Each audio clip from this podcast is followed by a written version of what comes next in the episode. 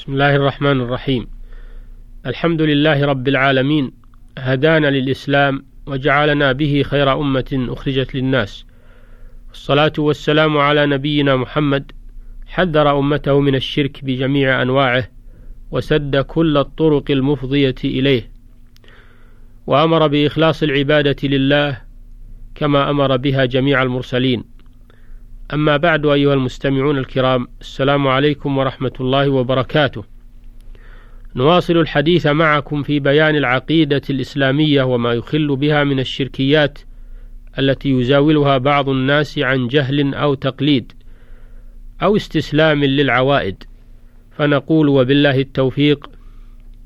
اعلموا وفقني الله وإياكم أن من الشرك طاعة العلماء والأمراء في تحليل ما حرم الله وتحريم ما أحل الله.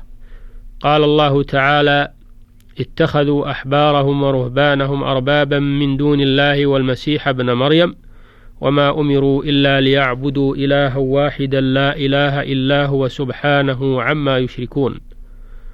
وفي الحديث الصحيح أن النبي صلى الله عليه وسلم تلا هذه الآية على عدي بن حاتم الطائي رضي الله عنه فقال يا رسول الله لسنا نعبدهم.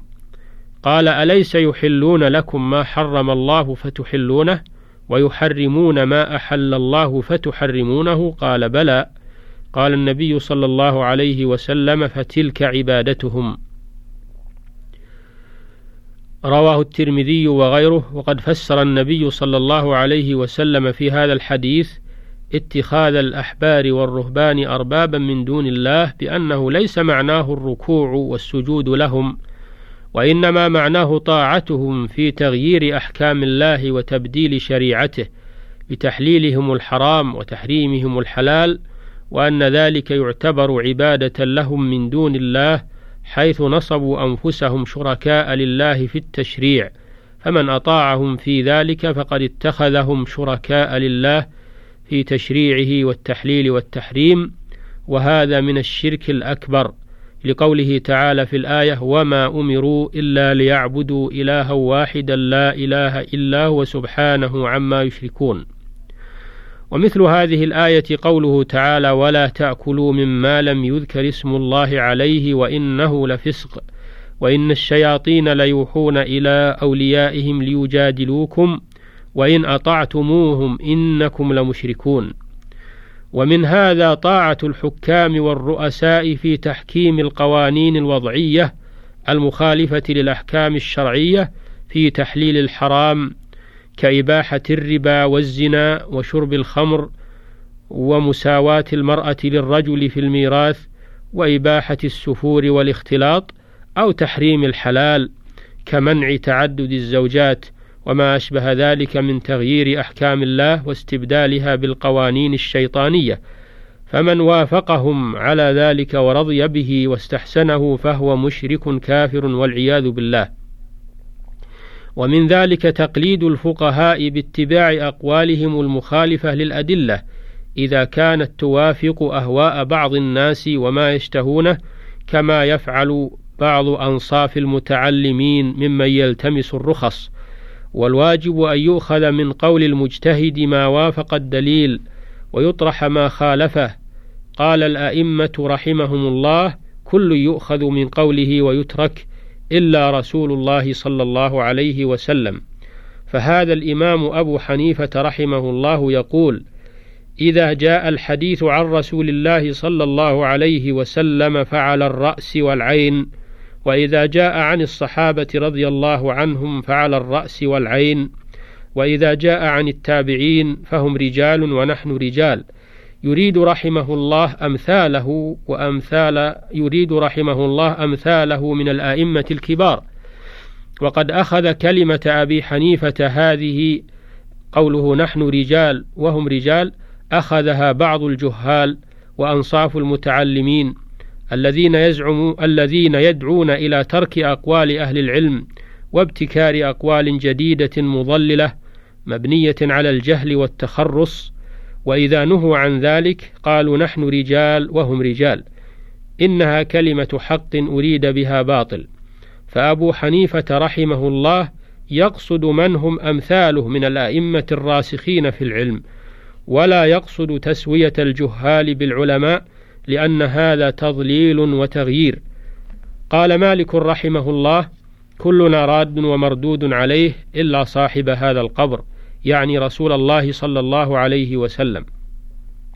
وقال الإمام الشافعي رحمه الله إذا صح الحديث فهو مذهبي. وقال إذا خالف قولي قول رسول الله صلى الله عليه وسلم فاضربوا بقولي عرض الحائط. وقال الإمام أحمد رحمه الله عجبت لقوم عرفوا الإسناد وصحته يذهبون إلى رأي سفيان. والله تعالى يقول فليحذر الذين يخالفون عن أمره أن تصيبهم فتنة أو يصيبهم عذاب أليم. وقبل هؤلاء الأئمة يقول عبد الله بن عباس رضي الله عنهما يوشك أن تنزل عليكم حجارة من السماء. أقول قال رسول الله وتقولون قال أبو بكر وعمر. قال الشيخ عبد الرحمن بن حسن رحمه الله في فتح المجيد فالواجب على كل مكلف إذا بلغه الدليل من كتاب الله وسنة رسوله وفهم معنى ذلك أن ينتهي إليه ويعمل به وإن خالفه من خالفه. إلى أن قال فيجب على من نصح نفسه إذا قرأ كتب العلماء ونظر فيها وعرف أقوالهم أن يعرضها على ما في الكتاب والسنة. فإن كل مجتهد من العلماء ومن تبعه وانتسب إليه يذكر دليله. والحق في المسألة واحد والأئمة مثابون على اجتهادهم فالمنصف يجعل النظر في كلامهم وتأمله طريقا إلى معرفة المسائل واستحضارها وتمييزا للصواب من الخطأ بالأدلة التي يذكرها المستدلون ويعرف بذلك من هو أسعد بالدليل من العلماء فيتبعه. وقال رحمه الله على قوله تعالى وإن أطعتموهم إنكم لمشركون وهذا قد وقع فيه كثير من الناس مع من قلدوهم لعدم اعتبارهم الدليل إذا خالف المقلد وهو من هذا الشرك ومنهم من يغلو في ذلك ويعتقد أن الأخذ بالدليل والحالة هذه يكره أو يحرم فعظمت الفتنة ويقول هم أعلم منا بالأدلة انتهى قال الشيخ محمد بن عبد الوهاب رحمه الله في مسائله المسألة الخامسة تغير الأحوال إلى هذه الغاية حتى صار عند الأكثر عبادة الرهبان هي أفضل الأعمال وتسمى الولاية وعبادة الأحبار هي العلم والفقه وعبادة الأحبار هي العلم والفقه عندهم. ثم تغيرت الحال إلى أن عبد من دون الله من ليس من الصالحين وعبد بالمعنى الثاني من هو من الجاهلين انتهى. ومن اتخاذ الأحبار والرهبان أربابا طاعة علماء الضلال فيما أحدثوه في دين الله من البدع والخرافات والضلالات كإحياء أعياد الموالد والطرق الصوفية والتوسل بالأموات ودعائهم من دون الله حتى إن هؤلاء العلماء الضالين شرعوا ما لم يأذن به الله وقلدهم فيه الجهال والسذج واعتبروه هو الدين ومن أنكره ودعا إلى اتباع ما جاء به الرسول صلى الله عليه وسلم اعتبروه خارجا من الدين أو أنه يتنقص العلماء والصالحين فعاد المعروف منكرا والمنكر معروفا والسنة بدعة والبدعة سنة. حتى شب على ذلك الصغير وهرم عليه الكبير وهذا من غربة الدين وقلة الدعاة المصلحين ولا حول ولا قوة إلا بالله العلي العظيم. وإذا كان لا يجوز اتباع أئمة الفقه المجتهدين فيما أخطأوا فيه من الاجتهاد مع أنهم معذورون ومأجورون فيما أخطأوا فيه من غير قصد إلا أنه يحرم اتباعهم على الخطأ فكيف لا يحرم تقليد هؤلاء المضللين والدجالين الذين أخطأوا في ما لا يجوز فيه الاجتهاد وهو أمر العقيدة لأن العقيدة توقيفية تتوقف على النصوص ولكن الأمر كما قال الله تعالى ولقد ضربنا للناس في هذا القرآن من كل مثل ولئن جئتهم بآية ليقولن الذين كفروا إن أنتم إلا مبطلون كذلك يطبع الله على قلوب الذين لا يعلمون فاصبر إن وعد الله حق ولا يستخفنك الذين لا يوقنون.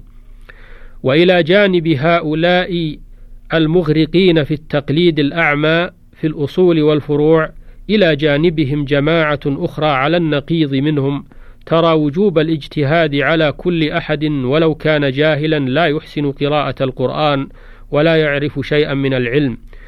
ويحرمون النظر في كتب الفقه ويريدون من الجهال أن يستنبطوا الأحكام من الكتاب والسنة وهذا تطرف شنيع وخطأ هؤلاء وخطر هؤلاء على المسلمين لا يقل عن خطر الفريق الأول إن لم يزد عليه.